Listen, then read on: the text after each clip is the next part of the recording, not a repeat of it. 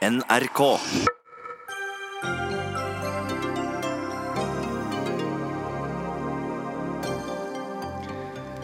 Arbeiderpartiets landsmøte er i gang. Lekker velgere som en sil, og til høsten er det valg. Det blåser friskt på partiets landsmøte. Fylkeslag vil ha kommunal vetorett om vindmølleparker. Håndballinvalide verdensstjerner advarer mot rovdrift på muskelfester, ledd og skjelett. Forbundet må handle istedenfor å prate, sier topptrener. Og elektriske sparksykler meier ned myke trafikanter i fotgjengerfelt. Vi trenger vern, mener Blindeforbundet.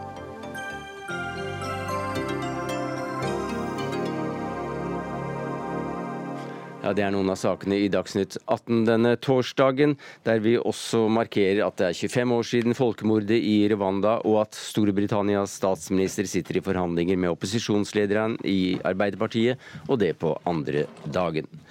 Men vi begynner med Arbeiderpartiet her hjemme. Det er landsmøte. Det startet i Folkets hus i Oslo for seks timer siden.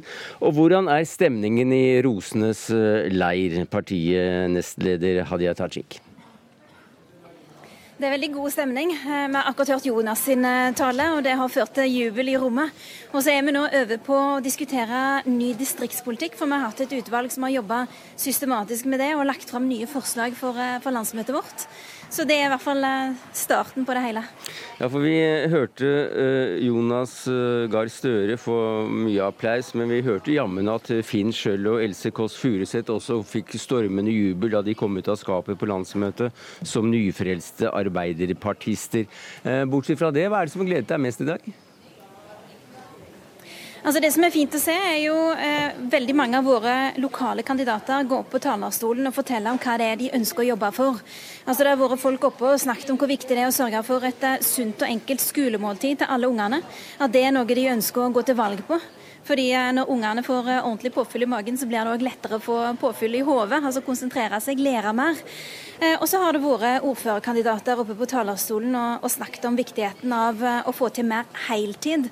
Fordi vi vet at nesten to tredjedeler av de som jobber innenfor helse- og omsorgssektoren, de jobber deltid.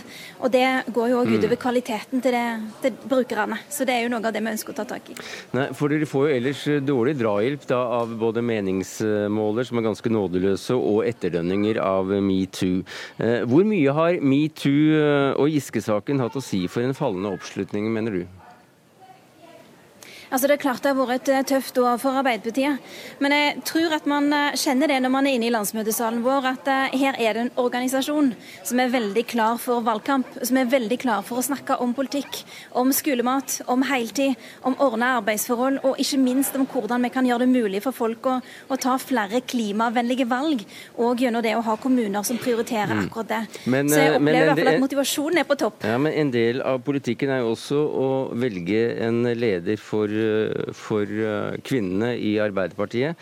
Og Anette Trettebergstuen er jo kontroversiell som, eh, som kandidat, eh, og vel som foreslått eh, kandidat. Hun er omstridt. Giske-varsleren Lina Omo eh, hun kritiserer denne innstillingen. Hvordan er det å ta med seg dette nok en gang inn i et landsmøte? Vet du hva? Det er noe sånn at Når man stiller til valg, eh, stiller seg til disposisjon for et verv, så vil det alltid kunne være diskusjon omkring det vervet, og, og, det at man står fram og ønsker det vervet. Eh, Det tenker jeg er en helt ærlig sak. og jeg mener også at det er en del av demokratiet at vi som stiller til den type verv, at vi òg tåler at de debattene kanskje kommer. Når det er sagt, så er det en enstemmig valgkomité som har eh, innstilt Anette Trettebergstuen. Så har ikke vært spesielt omstridt eh, i valgkomiteen. Og så er det jo landsmøtet som velger de fremste tillitsvalgte, kvinnepolitisk leder, sentralstyre osv.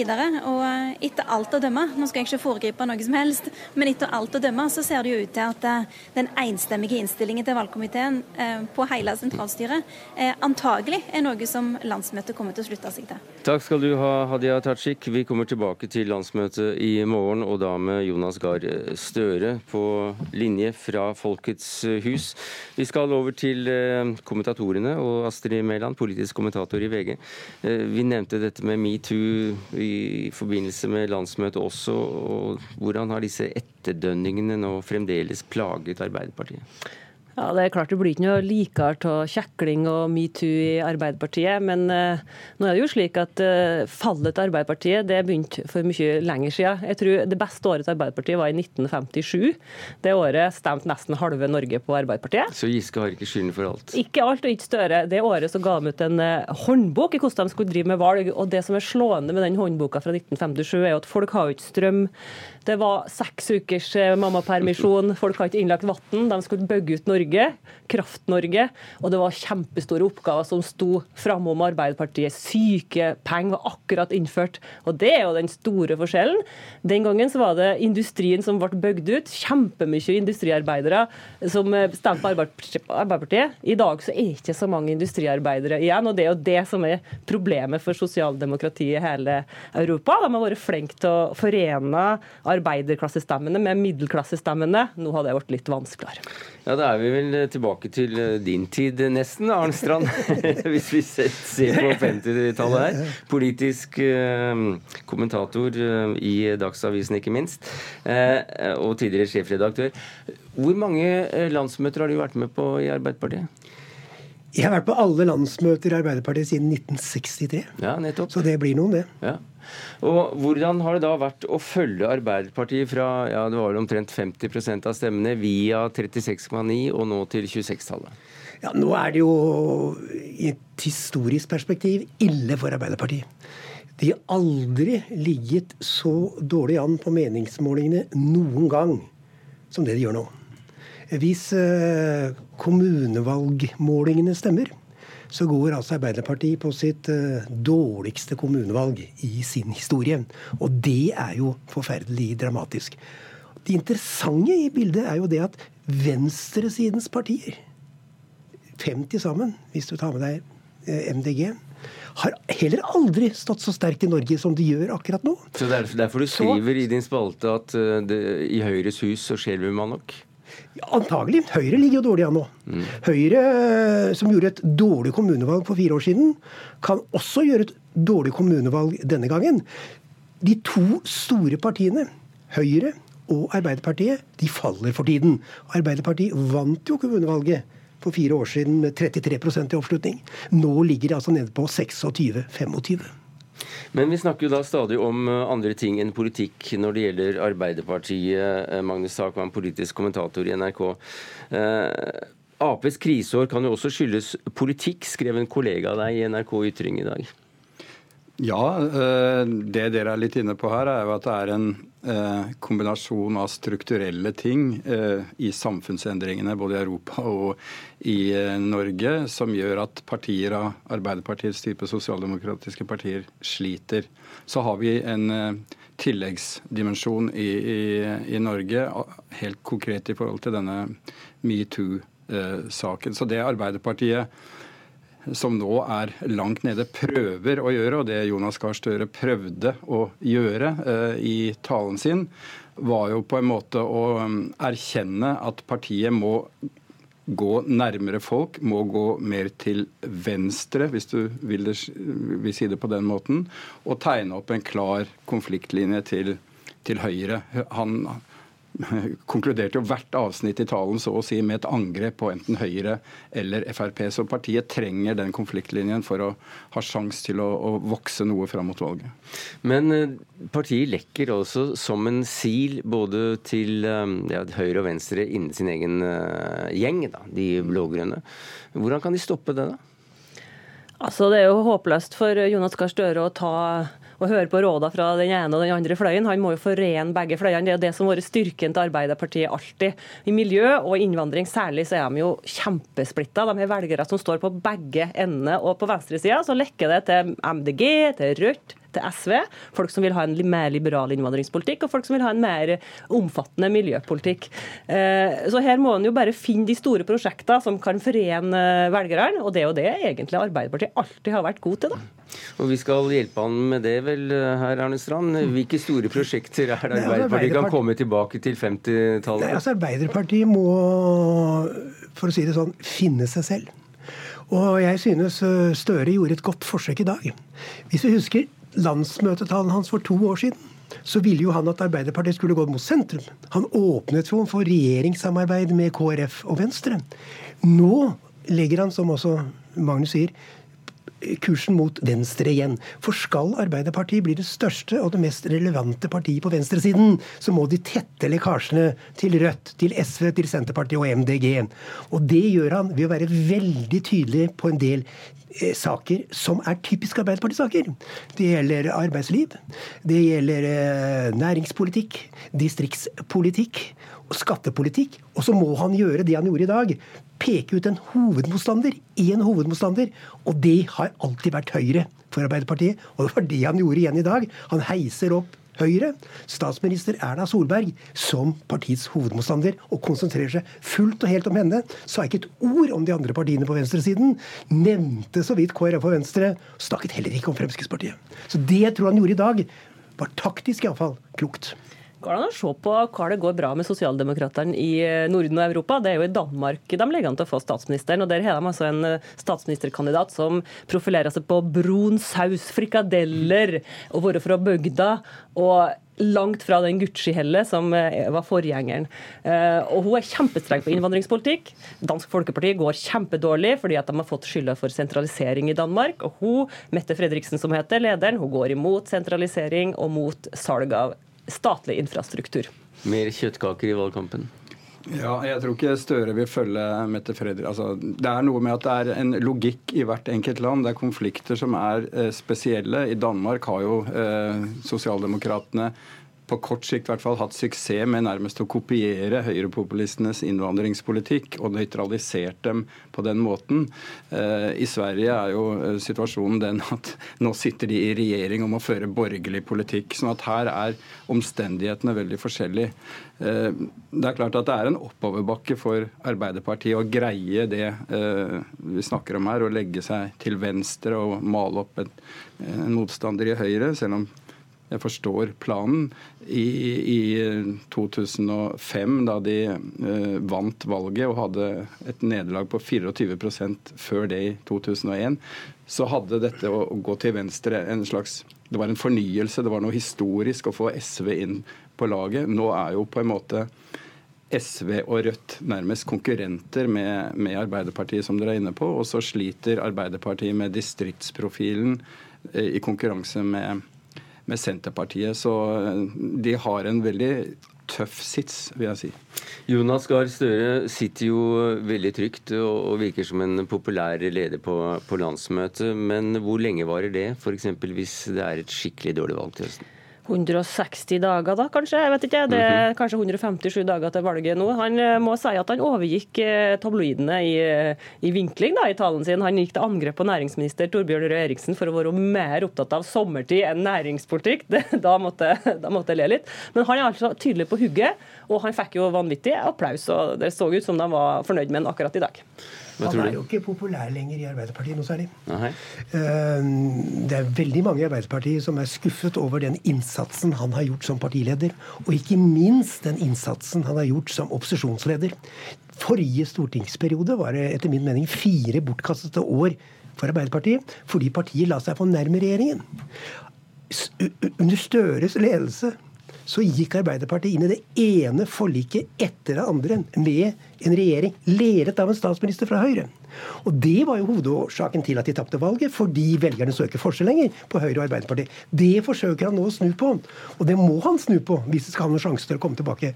Nå vil jo lederes popularitet avhenge av valgresultatet. Skulle han vinne stortingsvalget om to år, så er det ingen som ville stille spørsmål ved hans lederskap. Ja, men lokalvalg, taper han, lokalvalget nå, da? Lokalvalget nå taper de. Det er jeg ganske sikker på. Men eh, det vil ikke få de konsekvenser, Nei. fordi de vil sitte med makten i veldig mange kommuner. Stortingsvalget i 2021 blir helt avgjørende for Støres stilling. Taper han, så går han av. Takk skal eh, dere ha, Astrid Mæland, politisk kommentator i VG, Arne Strand, kommentator i Dagsavisen, tidligere sjefredaktør i samme avis, Magnus Takvam, politisk kommentator i NRK. Og lurer dere på hva Jonas Gahr Støre har å si til alt dette, så slå på Dagsnytt 18 i morgen. Dagsnytt 18 alle hverdager kl 18.00 på NRK P2 og NRK2.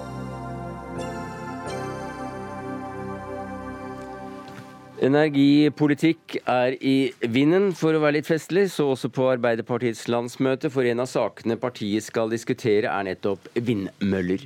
På land eller til havs, eller begge deler. En satsing som partileder Jonas Gahr Støre også tok opp på landsmøtetalen sin i dag. Og Tidligere denne uka kom Norges vassdrag- og energidirektorat med en ramme for vindkraft på land, som skapte mye debatt. Utbygging må i alle fall godkjennes av de berørte kommunene. Ja, Det sier dere i Vestlands Ap, hvor du er fylkesleder, Marte Mjøs Persen.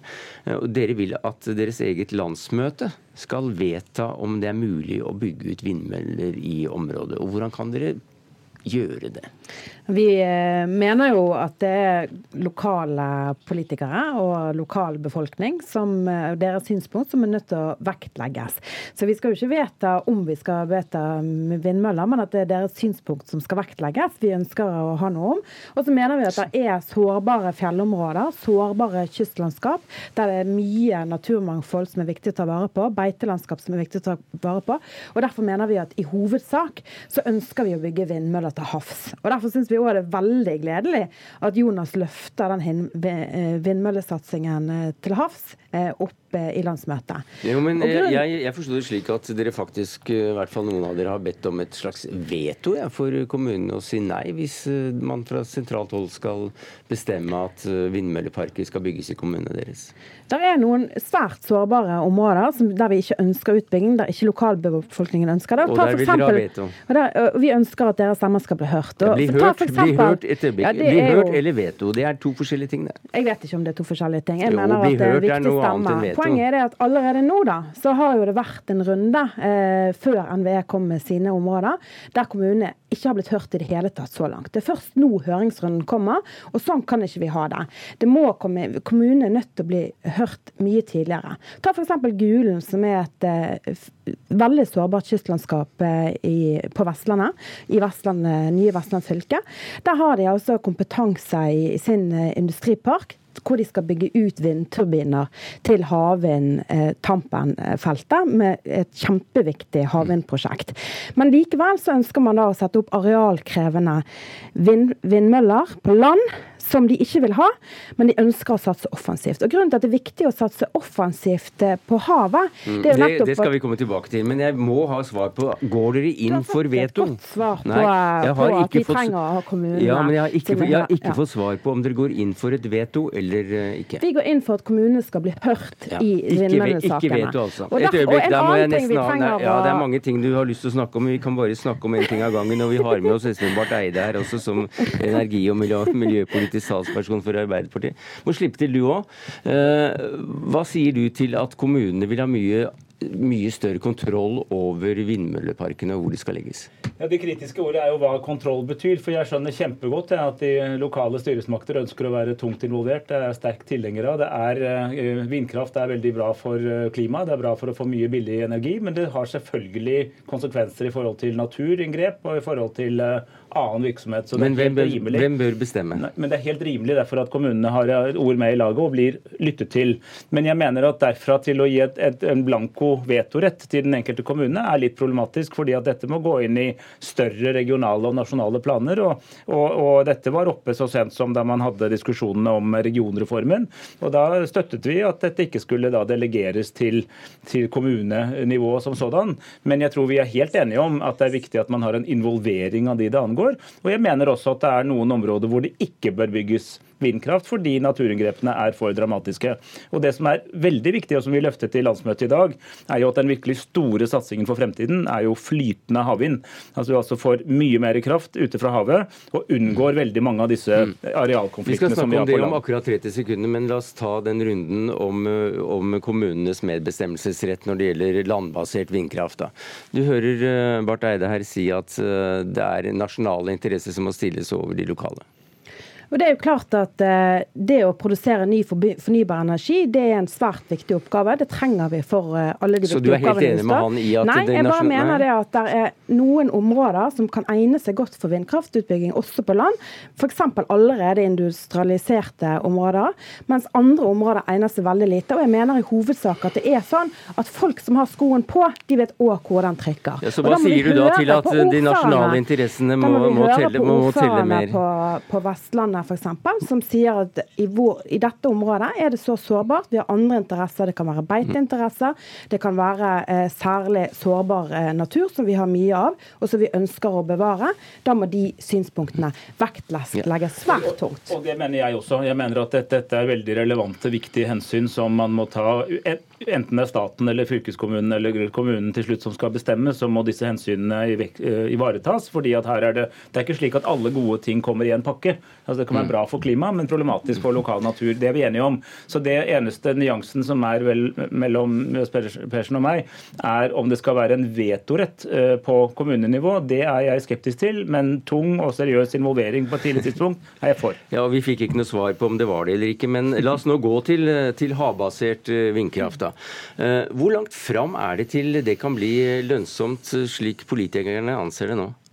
Så Jeg mener at dette kan begynne å bli lønnsomt i, i løpet av neste tiår. Eh, dette er faktisk eh, mulig, muligens et nytt industrieventyr for Norge hvis vi går tungt inn i flytende havvind. Det er veldig viktig å skille mellom bunnfast og flytende, fordi bunnfast er gjerne nær kysten. Der kan du ha realkonflikter opp mot eh, havbruk og, og fiskeri og sånn. Men hvis du kan flytte dem dypt ut på sjøen, så har vi nøyaktig den teknologien som trengs. Det å bygge store konstruksjoner til havs, det å ha avanserte kabler som trekker strømmen ut, styringssystemer.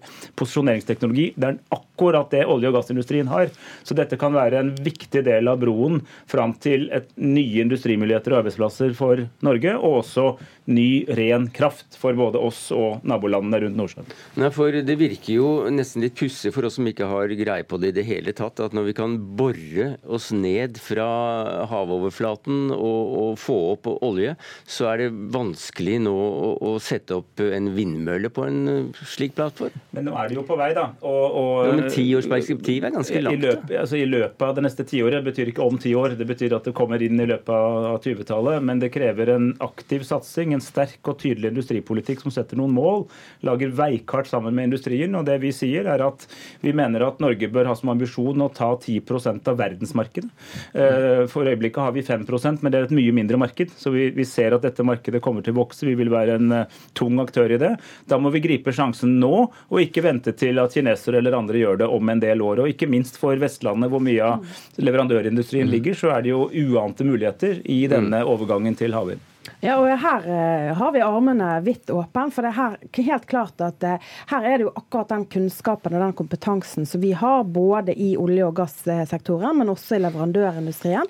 Der vi ser at havvind, flytende havvind, vil skape både arbeidsplasser, det vil redusere CO2-utslipp på norsk sokkel, uh, og det vil skape et kjempestort nytt marked, både med fornybar eh, strøm som eh, eksportvare, men ikke minst eh, de komponentene som man trenger til å bygge, for, altså bygge disse plattformene og konstruksjonene til utlandet. Og Det vil jo være et flott eventyr å få til, med tanke på at vi skal inn i, i det grønne skiftet. For vi er på vei. Noe av, det, noe av det geniale med dette er jo at man kan begynne med å elektrifisere sokkelen, altså mm. produksjonen ute av olje og gass, og så etter hvert bygge disse vindparkene større, slik at de blir kraftproduserende eh, anlegg mm. for land hos oss og for eksport til nabolandene våre. Men det er noen eh, år igjen, og i mellomtiden så vil i alle fall vestlandskommunene bli hørt, og hørt nøye, har vi forstått i løpet av eh, denne runden. Takk skal dere ha, Marte Mjøs Persen, fylkesleder i Vestland Arbeiderparti, og Espen Barth Eide, energi- og miljøpolitisk talsmann for Arbeiderpartiet.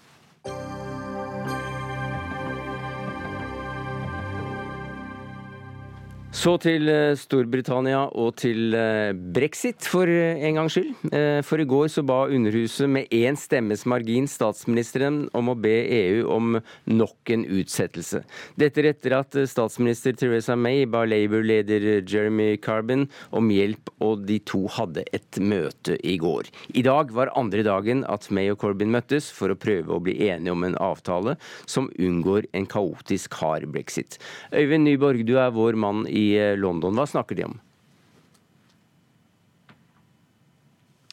Nei, Det de snakker om det er å forsøke å få til et kompromiss. Men det er klart at dette er jo et desperat forsøk eh, fra meg for å eh, prøve å få til en avtale. fordi hun og hennes partifeller de omtaler jo nedlatende Corbyn som en marxist og en trussel for rikets sikkerhet. Så her har man gått ganske langt ned i bunken. Og det kan vel kanskje se ut som om det er i nød at fanden ringer sin fiende.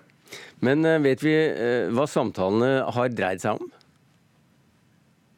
Har det lekket noe? Ja, dette er veldig kompliserte samtaler. Ja, nei, det gjør det ikke. Nå har brexit, skygge-brexit-ministeren akkurat kommet ut fra et møte. Han var ekstremt ordknapp. Men vi vet at det er veldig vanskelige samtaler. Det er samtaler som dreier seg om at Arbeiderpartiet de ønsker jo et medlemskap i tollunionen og eh, eh, et, et tett tilknytning til EUs indre marked. Og det er jo en uh, mye tettere tilknytning til EU enn en de fleste i det konservative partiet. Det vil føre til at man har tollfri handel, eh, men samtidig så vil det hindre at Storbritannia kan eh, inngå store handelsavtaler med andre land. og Det er litt av det som har vært eh, poenget med, med brexit. og Det andre store pro problemet de har i disse samtalene, det er jo også at Arbeiderpartiet kommer nok eh, kanskje til å presse på for en ny folkeavstemning. og Det og, og dette med tollunionen er to ting som May blankt har avvist nå i to år. Ulf Sveidrup, du er direktør ved Norsk utenrikspolitisk institutt. Du kjenner europaforholdet godt og britiske forhold godt. Eh, hva tenker man i Brussel om disse samtalene? Uh, man tenker at dette er en kaotisk prosess, og at det i og for seg er fornuftig nå av Theresa May å si når hun ikke klarer å få flertall for sin løsning. Og hun skjønner at hun ikke lenger kan ha en brexit som er Torry, konservative parti, basert alene. Så hun må søke et slags nasjonalt kompromiss. Så det tror jeg EU og europeere flest syns er en positiv ting. Eh, om det fører frem, er jo mer usikkert. Ja, Hva tror du? Jeg tror dette er et nødvendig steg. Det viser seg jo sant, at Tbilisi har ikke fått oppslutning i sitt eget parti. Eh, og heller ikke med sitt støtteparti, det nordirske partiet. Så hun kommer liksom ikke i mål med sin løsning. Så det var ingen annen vei for henne enn å gå nå til å søke et samarbeid med Labour. Og det går, peker jo i retning av et slags nasjonalt kompromiss. Men det som er faren med det, er jo at for det første at eh, hun mister deler av sitt eget parti. Et splitta Tory-parti blir enda mer splitta. Og det andre er jo at eh, et eh, Labour som har stått ganske samla allerede, kan også bli splitta. Men et nasjonalt kompromiss, hva kan det til slutt gå ut på? Ja, så Du må ha ja, hva det kan gå ut på. Mm. Det tror jeg er ulike elementer. Men det første er at man faktisk går ut av EU. Altså man går ut av EU. Og det andre er at eh, man vedtar eh, withdrawal-avtalen slik den er forhandla frem. Og Hva skal eh, Arbeiderpartiet få da? De får tre-fire andre ting om det fremtidige forholdet. For det første at Storbritannia blir ja, mer eller mindre med i tollunionen. Det betyr at dette nordirske problemet utgår. Det andre er at man forplikter seg til i det fremtidige forholdet å ha et tett forhold til indre marked. Nesten, i og for seg nesten sånn som EØS. Uh, og det er jo også noe som Tory-partiet har hatt vansker med.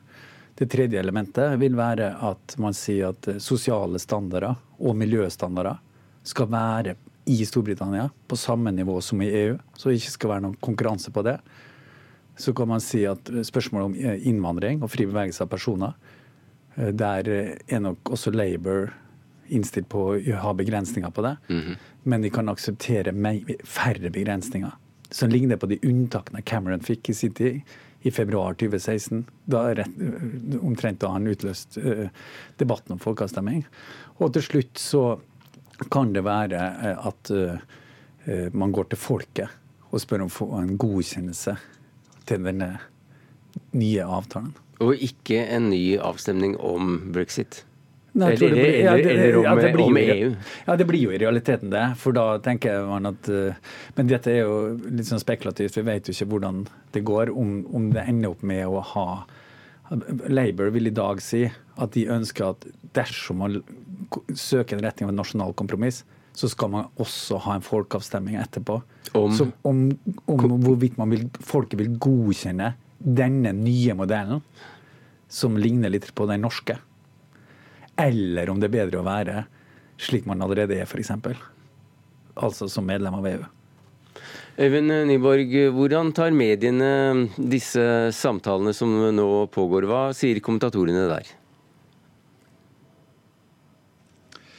Nei, det er klart at uh, I den um, konservative pressen og kanskje også blant uh, de presseorganene som er hardest for brexit, så er det jo klart at det er å synke veldig lavt og i det hele tatt inngå politiske samtaler med Jeremy Corbyn, en, en mann som de har portrettert som en smågal sosialist nå i, i, i, ganske lang tid. Så, og så er det jo også da selvfølgelig et problem som Sverdrup var inne på. dette her med et parti nå som, eh, som kanskje kan være i ferd med å, å slå alvorlige eh, eh, sprekker i, i, forhold til den invitasjonen som Theresa May har da eh, gitt til Corbyn. Men jeg tror kanskje vi skal være litt eh, forsiktige med å foregripe hva som kan komme til å bli resultatene av, disse samtalene. Dette her med en, en, modell som kan ligne litt på det norske, med eh, medlemskap i EUs tollunion, tett forhold til det indre markedet osv. Det er jo en ønskedrøm for de som helst eh, vil at Storbritannia fortsatt skal være eh, en del av EU. Og om Corbyn klarer å komme eh, så langt, eller om man rett og slett blir bare avspist med f.eks. det å få sikre arbeidsfolks rettigheter, miljørettigheter, forbrukernes rettigheter og en del sånne ting som har vært viktige for Arbeiderpartiet, det, det gjenstår å se. Og, selvfølgelig så finnes også muligheten for at disse samtalene skal bryte sammen. og Dette er jo samtaler som kom i gang fordi eh, man har prøvd eh, flere ganger nå med eget parti samt støttespillerne i Nord-Irland, og det har gått mm. i vasken. Derfor går man over bekken eh, etter vann. Så hvor lang tid den vandringen over bekken tar, det får vi bare vente og se. Takk skal du ha, Ulf Sveidrup, direktør ved Norsk utenrikspolitisk institutt. Takk til deg i London, Øyvind Nyborg, vår korrespondent.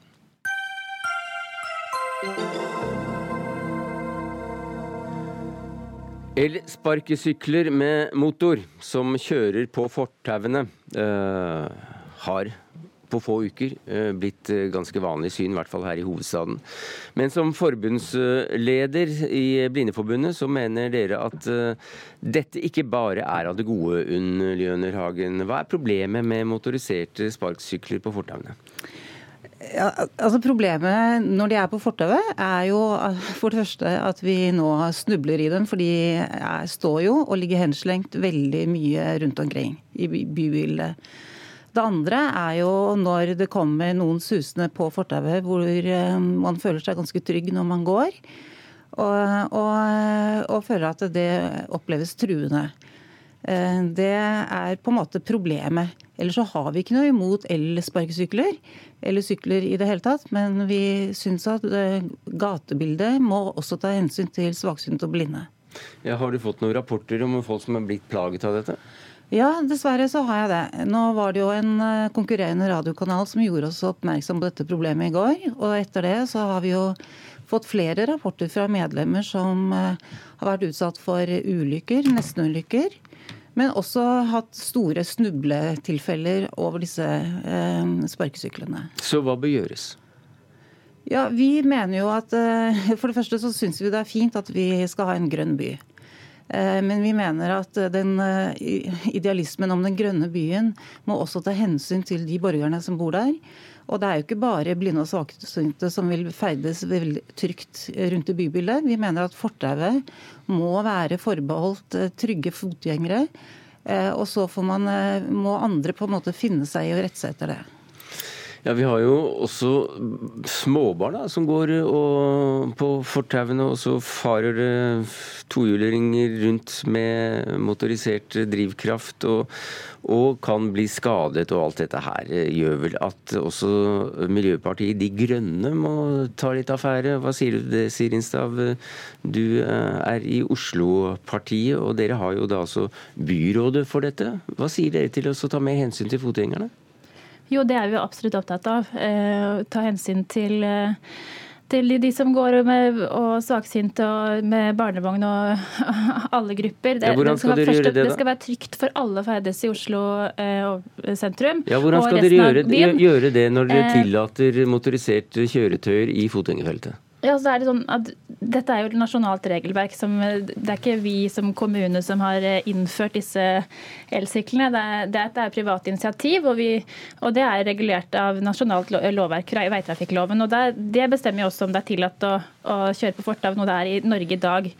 Um, og det kan man jo godt diskutere. Eh, ja, det er jo et nasjonalt spørsmål. Det, det, er det vi gjør nå. Men det har ikke vi hjemmel til nei, å og da, Derfor har vi bedt eh, Bård Hoksrud, eh, stortingsrepresentant i samferdselskomiteen for Frp, inn her.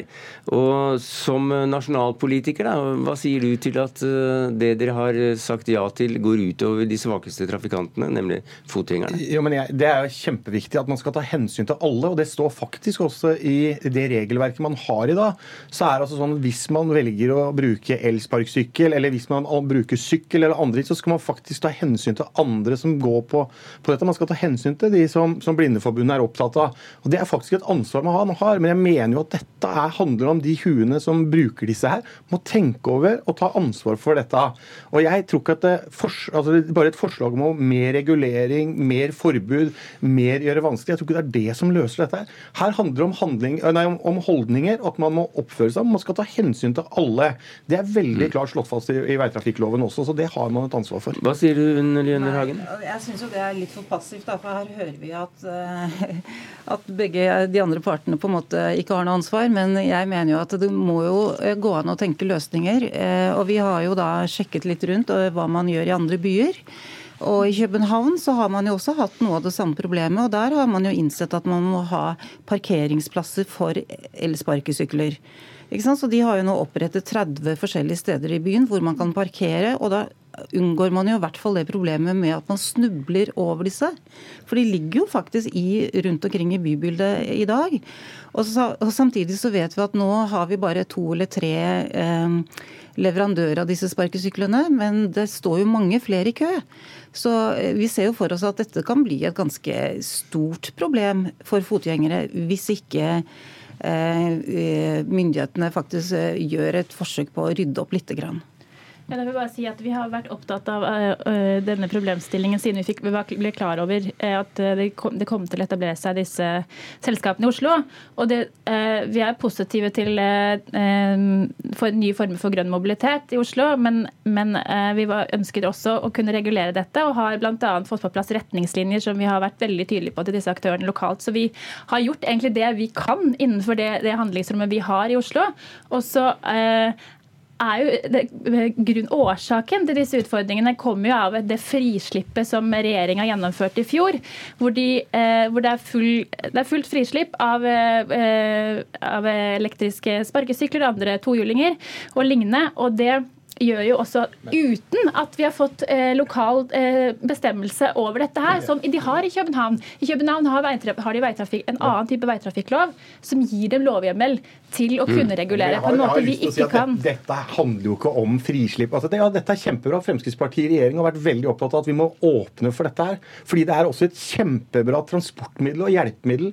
Det er også andre som har funksjons, funksjonsnedsettelser, mm. som sliter med helsa si, som har problemer med å gå langt. For de er dette her en kjempemulighet til å, å, bevege seg på en helt annen måte. Så man må ikke se dette som et problem. Det, det er ikke, vi, er ikke, vi er ikke uenige i det. Nei, men, men, det vi er uenige med, er at dere åpner for å regulere vannskutere og snøscootere lokalt. Hvorfor kan ikke vi som en kommune også få lov å regulere dette? For da kunne vi, Det er jo ulike problemstillinger i ulike kommuner. Her er det klare og tydelige regelverk. Det er altså sånn, det står klart og tydelig i, i forskriften og i regelverket her at man skal ta hensyn til andre som er i, eh, i området der. Det står klart og tydelig. Så dette er regulert. Det er, jo, men, men, men, det er klart og tydelig. Og så handler det også om at de som bruker dette her, De må også tenke over at det er sånn at det er ikke smart å bare legge den fra seg midt i, i veien. Jeg tror heller ikke de selskapene er interessert i det, for det betyr at da blir det rapportert. Da blir det mm. ødelagt. De er opptatt av at folk skal oppføre seg og sette dette ordentlig fra seg. Men vi er altså et parti som ikke bare er for å forbud, påbud og gjøre det vanskelig. Vi må også se dette som en mulighet og noe positivt. Jo, men, for, for, for, men, men Hoksrud, du, du, du, hørte innspillet her fra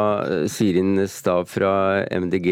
Hvorfor er ikke dette opp til kommunene? Hvorfor er det frislipp eh, fra statlig hold? Det er jo fordi at dette er en nasjonalt uh, greie som, som er, er, regulert nasjonalt, og som Fremskrittspartiet var med på å sørge for at ja, vi åpner for dette. Så ser noen en mulighet, og mm. ser det positive og kommer med nye forslag. Jeg ber om fordi... lokal regulering. ber jeg ikke om at vi skal kunne, nødvendigvis et forbud, men at vi skal kunne regulere det lokalt. F.eks. ved at man har type dokkingstasjoner som har, man har avgrensa områder hvor de kan eh, tillate å parkere.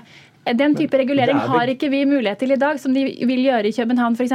Det kunne vi ønske oss, men det er, det er ikke mulig med det har, lovverket. Har ikke dere mulighet til det i kommunen, altså bestemme hvor disse skal parkeres? Nei, ikke, per, per, i dag har vi ikke ja. lovhjemmel til å, til å, regulere parkering, eh, fordi det er definert som vanlige sykler. Så må de, de, må få en ny kategori eventuelt. Under Jønner Hagen igjen så har du sittet og hørt en runde politikerne komme her. Hva, hva, sier du etter denne runden? Nei, Jeg vet ikke om jeg skal le eller gråte, for dette her syns jeg jo begynner begynner å bli absurd teater. fordi det vi sier er at her er det jo folk som blir eh, påkjørt og skader seg. Og, og vi tror at det kan øke i omfang, og samtidig så ligger det sykler strødd rundt på fortauene.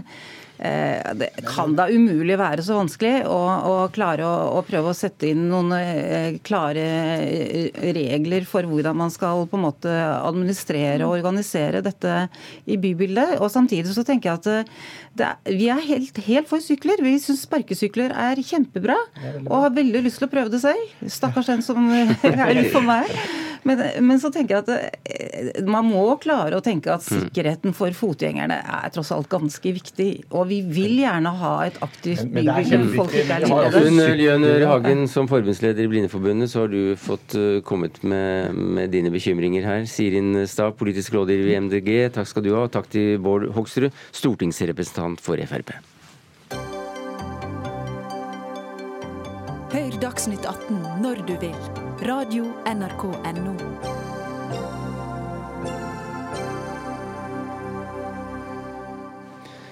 Så til eh, en 25-årsmarkering for noe av det skrekkeligste som har skjedd i eh, verden etter annen verdenskrig.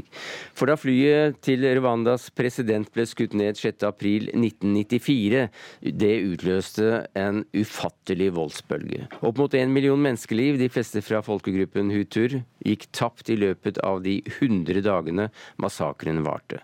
25 år etter er jakten på dem som sto bak folkemordet, langt fra over over. Benedicte Giæver, du er direktør i det som kalles for Nordkapp i Flyktninghjelpen. Men du var i Rwanda for Røde Kors for 25 år siden. Du opplevde grusomhetene på nært hold. Hva var det som skjedde? Nei, altså Det som skjedde, altså sånn helt kort fortalt, var jo det at eh, det hadde vært svært politisk urolig i lang tid i forveien, og så eskalerte det mer og mer. Vi hadde jo FN-styrkene var inne, og de ba om å få et mandat. Eh, det var jo Kofi Annan da som satt for eh, de fredsbevarende operasjonene i FN, og de ba om å få et mandat for å kunne konfiskere alle våpnene som kom inn. Så vi så jo det at dette bare trappet opp mer og mer. 6.4 blir eh, flyet med to presidenter skutt ned. Det var presidenten fra Burundi, Rwanda. Og den kvelden husker jeg da satt jeg sammen med vaktene mine. Og da sa de til meg vi kommer ikke til å overleve dette. Nå kommer det til å skje et folkemord. Og jeg trodde jo ikke helt at det skulle være et folkemord i forhold til det de beskrev, men det var rett og slett det som skjedde. Tusenvis på tusenvis, nærmere opp kanskje mellom en halv til en million, folk ble slaktet på den mest bestialske måten tenkelig. Hvordan opplevde du det eh, selv? Nei, altså Jeg satt jo midt oppi et stort dilemma. Altså Jeg måtte ta en, eller ikke måtte, men jeg valgte å ta en uh, naboer som trengte beskyttelse. Uh, for uh, folket, altså Hutu-militiaen var etter de, så jeg ønsket jo å se, altså, jeg ønsket å se hvordan jeg kunne beskytte de. Uh, og dagene gikk jo, det ble bombet granater. Jeg prøvde, altså Du prøver å finne måter å overleve på. Til slutt så eh, hadde jeg ikke lenger kontakt med omverdenen. Så da flyktet jeg. Jeg dro til eh, Jeg visste det var et hus lenger borte i gata hvor det bodde amerikanere, og jeg var på amerikanske evakueringslistene. Så jeg måtte ta meg dit. Eh, og det var skarpskudd etter meg, etc. Sånn at eh, det var altså, veldig, veldig dramatisk. Men jeg hadde jo fortsatt den følelsen at som internasjonal så var det ikke jeg som sto for Haag, først og fremst. Men det var, det var de lokale, mm. nasjonale rundt meg. Hilde Frafjord Jonsson, du er um, nå generalsekretær i Kristelig Folkeparti, men du er født på det afrikanske kontinentet. Du har uh, vært uh, bistandsminister. Du var den gang stortingsrepresentant for KrF. Hvordan så dette ut fra ditt ståsted? Nei, Det var jo et uh, kjempestort paradoks, for da, på dette tidspunktet, feiret vi jo at president Mandela ble innsatt. Og jeg var selv valgobservatør i Sør-Afrika på det første frie valget. Og det gikk i rett retning i så mange afrikanske land. Og midt inni denne Og jeg har vært en anti-apartheid-aktivist siden jeg var 16. Og gått i demonstrasjonstog. For meg var det helt fantastisk. Og så kommer plutselig denne nyheten. Vi fulgte jo ikke så nøye med at vi visste at dette var under oppseiling. Jeg tror det kom som et sjokk på veldig mange, også på internasjonale nyheter, medier, medier og journalister. Og det smalt i alle nyheter, og jeg kunne ikke begripe at det var mulig. Og det er klart, vi fikk jo dette rullende over TV-skjermen. Eh, hvordan machetene var blitt eh, det bestialske våpenet. Jeg husket det fra min barndom. Det brukte vi på kokosnøttplanter og, og den slags. Og det er jo en kniv så stor som sånn, og det var jo den som var de viktigste våpnene i folkemordet. Så det at denne tutsi-befolkningen, som det da var begrepet man brukte, eh, ble slaktet ned for fote Jeg som hadde vokst opp på dette kontinentet, opplevde det som totalt uforståelig. Og helt i motsetning til alt jeg kjente fra Afrika. Ja, hvorfor skjedde det? Det er jo et veldig godt spørsmål, men det er også et ganske vanskelig spørsmål å, å beskrive. og Jeg tror man må forstå både kulturen som eksisterer der, og du må forstå historien. Altså Dette er jo en dette har jo bygd seg opp over eh, ja, et par hundre år. Eh, og Det handler jo om både altså en ujevn maktbalanse mellom altså det man kaller for tutsier og hutuer, altså de to etniske grupperingene. Eh, så det handler det om makt, det handler om, om penger, de tradisjonelle tingene. Men det handler også om noe annet, og det handler liksom om det der med frykt. Altså Frykt er en veldig viktig del av kulturen. Og det med at hvis det ikke er meg nå, så blir det meg neste gang. Og hvis jeg da håper jeg, sørger for at min familie overlever nå, ved å gjøre ting, gå til angrep på nabofamilien, så kanskje har vi en sjanse. Så det var også en enorm oppiskning i forhold til ja, en hatretorikk, en fryktkultur, som ble bygd opp måneder før dette skjedde. Men så da til Rwanda i dag, for å ta et langsprang. For eh, dette landet er vel nå ikke til å, å kjenne igjen? Altså På utsiden så er det jo et helt annet land. Altså Når du kommer til Kigali, så kommer du til en by. Eh, og du vil tro at du er i Europa. Det er rent. Eh, du har en god økonomi. Det er høyteknologisk. Man snakker om kvinners rettigheter. Eh, likestilling, alle disse tingene. Lite korrupsjon, forholdsvis trygt? Lite korrupsjon. Eh, men så har du noen andre ting også, og du har en leder som har sittet der i 25 år. Han vant uh, siste valg med 99 uh, Og så har du et veldig svakt sivilsamfunn. ytringsfriheter kan vi stille spørsmål ved, men også i forhold til selvsensur. Det er veldig vanskelig å snakke opp om, om det som har skjedd. Og du har jo hatt en altså Kagames, eh, presidentens eh, hovedfokus har jo vært én nasjon, ett folk. Vi skal ikke snakke om hutuer tutsier. Eh, du har hatt en fredsprosess lokalt forankret. Så det har jo skjedd en hel del positive ting. Men jeg tenkte litt, Du refererte til Sør-Afrika, hvor de hadde en annen type fredsprosess, som var mye mer Den så innover. Mens denne her har ikke sett så mye innover. Eh, men det er også litt pga. den kulturen man finner i Rwanda. For man snakker egentlig ikke om følelser. Eh, det, blir sett som en svakhet. Du snakker litt uh, om Hilde Frafjord Jonsson, og hvordan dette så ut fra politikernes ståsted særlig. og hva har man da lært er man bedre rustet nå internasjonalt, verdenssamfunnet, til å gripe inn før? Kofi Annan ble jo kritisert kraftig for ikke å ha gjort ja. nok for å hindre det. Han tok jo også selvkritikk. Ja, det er ingen tvil om at Rwanda er et før og etter i internasjonale fredsoperasjoner. Jeg har selv ledet en fredsbevarende operasjon i Sør-Sudan, og det er klart det er nesten et sånt aldri mer-følelse i FN. Dette skal, vi, skal, ikke skje en gang til. Så skjedde det nesten det samme i Srebrenica eh, ved de nederlandske eh, fredsbevarende operasjonene. Eh, og de to hendelsene står som skampletter i FNs historie, og er på en måte i læreboken for oss som da skulle inn i den type operasjoner. Vi måtte forstå at beskyttelse av sivile er jobb nummer én. Og det var jo en av grunnene til at jeg også kom igjen i en tilsvarende situasjon som ikke hadde en samme skala, men da var etnisk systematisk vold. Ja, og Det var i Sør-Sudan, og da, da, var du leder for, eh, for FN-styrkene der. Ja. Uh, og du var jo omtrent i den samme situasjonen på en måte som Kofi Annan eh, var i sin tid ja. i, i, Rwanda. Ja. Tenkte du på Rwanda da du ledet dette arbeidet i Sør-Sudan? Da det virkelig smalt i Sør-Sudan også? Ja, det gjorde jeg. Og jeg tenkte på også et par andre episoder hvor, som jeg kjente fra Sudan, hvor man ikke hadde handlet når sivile var i ferd med å bli slakta ned. Så den beslutningen vi tok på, og den tok jeg selv eh, i Juba, det var å åpne FNs mm. porter for sivile som flyktet, for å hindre at de ble slaktet ned. Altså det, Rwanda var definitivt eh, en viktig referansepunkt Så for den aldri, aldri mer 6. Eh, april? Aldri mer 6. april. Takk skal du ha, Benedicte Giæver, leder for beredskapstroppen, heter det, i Flyktninghjelpen, og Hilde Frafjord Jonsson, generalsekretær i KrF.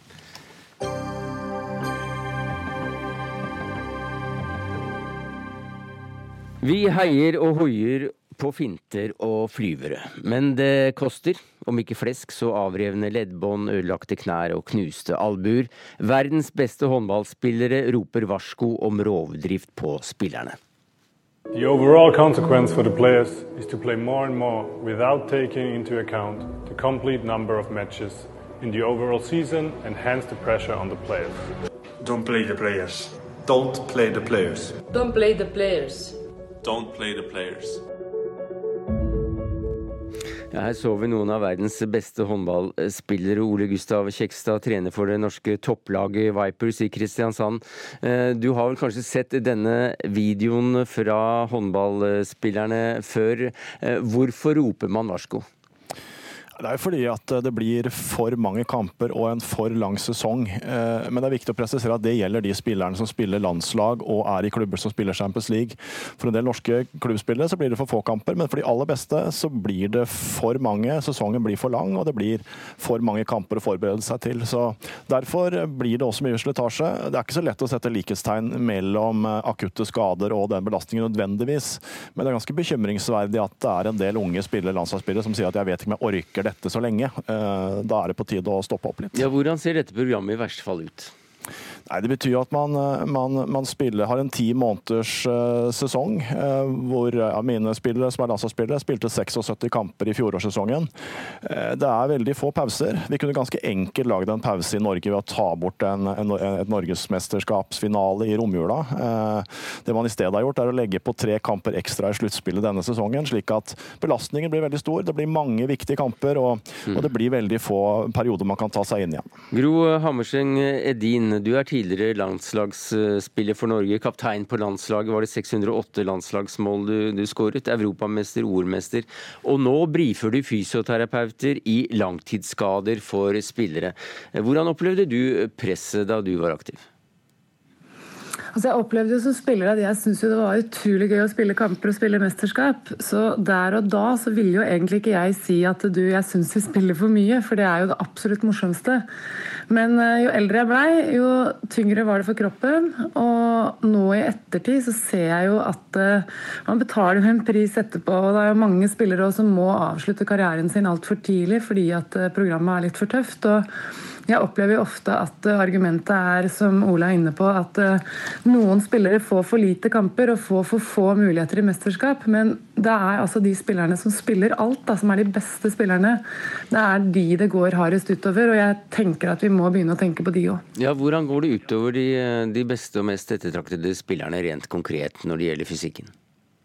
Altså, de spiller jo mest. De spiller flest kamper, og de er med overalt. Da, Både i Champions League og de er med i alle mesterskapene. Og, og de trekker stort eh, lass i kampene også i hjemlig serie. Men hvilke skader Så... får de?